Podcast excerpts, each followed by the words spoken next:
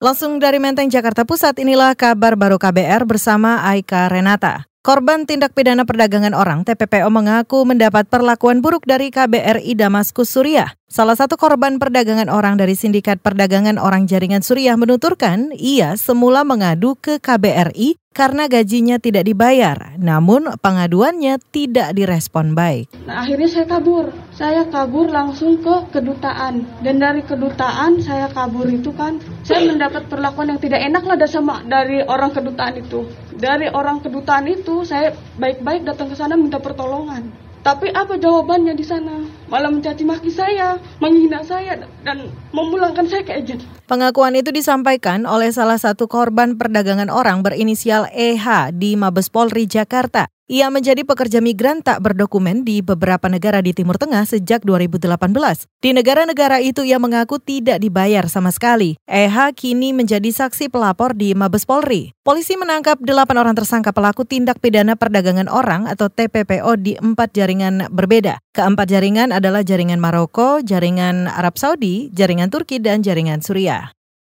Kita beralih, Komisi Pemberantasan Korupsi KPK menetapkan Sekretaris Daerah Kota Malang Cipto Wiono sebagai tersangka dugaan suap pembahasan APBDP Kota Malang 2015. Cipto menjadi tersangka ke-45 dalam perkara korupsi di Kota Malang. Juru bicara KPK, Febri Diansyah mengklaim KPK telah punya bukti kuat, eh, cukup bukti untuk mencokok pelaku. Hari ini akan kami sampaikan tersangka penyidikan untuk tersangka ke-45 yang diproses oleh KPK dalam kasus dugaan suap terkait dengan pembahasan APBD pemerintahan Kota Malang tahun 2015. Jadi dalam kasus ini KPK telah menemukan bukti permulaan yang cukup berdasarkan pengembangan di proses penyidikan dan mencermati fakta-fakta yang muncul di persidangan. Dalam perkara tersebut KPK menduga Cahyo berkomplotan dengan Wali Kota Malang Muhammad Anton dan bekas Kepala Dinas Pekerjaan Umum Kota Malang Edi Sulistiono. Mereka berkomplot untuk memberi hadiah atau janji ke pimpinan dan anggota DPRD Kota Malang untuk meloloskan anggaran APBD perubahan 2015. Cahyo kini ditahan selama 20 hari pertama di rutan KPK.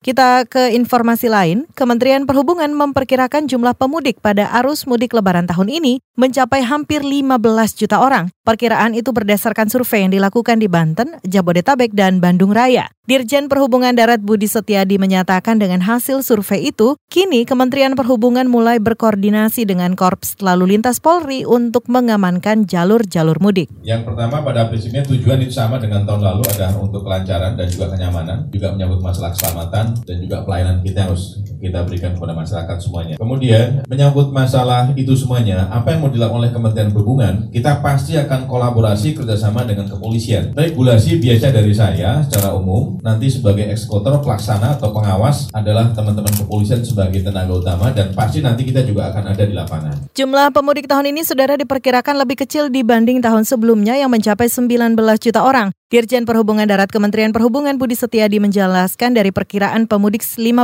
juta orang tersebut, sekitar 30 persen bakal menggunakan bus dan 28 persen menggunakan mobil pribadi. Sementara pengguna sepeda motor diperkirakan sebanyak 6 persen atau sekitar 940 ribu orang. Saudara arus mudik lebaran diperkirakan akan dimulai pada akhir Mei mendatang. Demikian kabar baru dari kantor Berita Radio KBR, saya Aika Renata.